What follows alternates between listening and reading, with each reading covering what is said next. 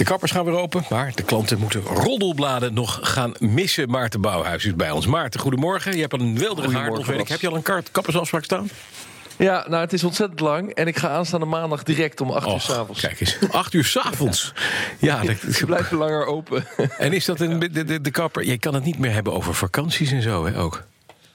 Eh, nee, precies. Eh, eh, maar goed, het moet dus zonder blaadjes. Voor mij niet zo Ja. erg overigens, Bas. Want ja, ik ga dan naar binnen, ik word geknipt, ik ga weer weg. Maar als je haar wordt geverfd en je moet drie uur wachten... Mhm. Ja. dan moet je dus even je eigen blad meenemen. Je kent de leesmap, hè? dat zijn Ja. die actuele bladen. Mhm. Ehm, directeur Willem Visser heb ik even gebeld. En die zijn dus in bedrijf gebleven. Die hebben eerst een check gedaan of het virus zich kan overdragen. Want die leesmap gaat van huishouden naar huishouden. Overigens ook in de kapsalons. En daar hebben ze allerlei afleverprotocollen voor gemaakt. Nou, het virus kan niet via papier worden overgebla- eh, overgedragen, dus dat is makkelijk.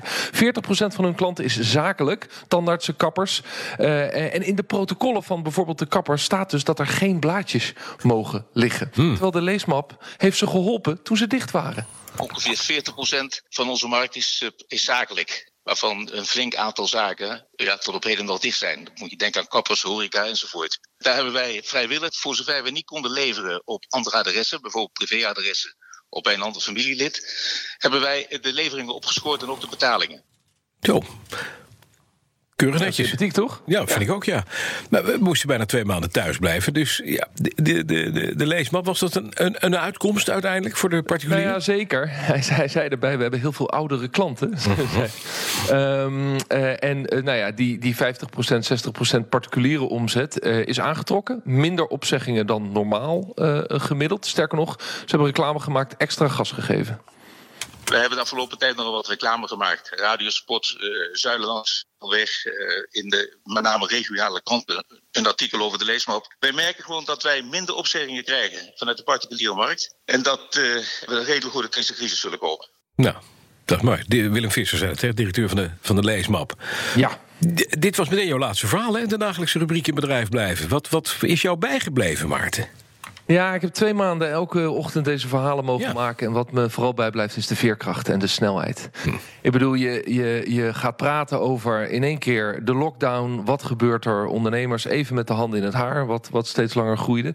Uh, maar dan komt dus de veerkracht. Spatschermen leveren, die zien we nu overal. Maar dat Ja. is in een moordend tempo gegaan. Picnic, de supermarkt, in één keer een zesde DC, distributiecentrum, een jaar naar voren halen. Winkels die uiteindelijk weer open willen gaan. Initiatieven in de zorg, hebben we ook veel over gesproken. Ja, ja. De evenementenindustrie die tenten bouwt voor triage, beeldbellen in verzorgingstehuizen.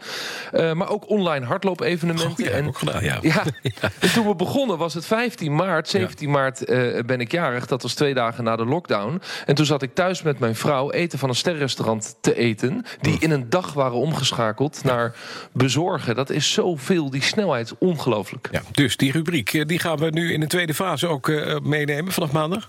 Ja, ja, precies. Want Nederland gaat de tweede fase in. In bedrijf blijven gaat toch over dat, dat, dat die eerste piek van overleven.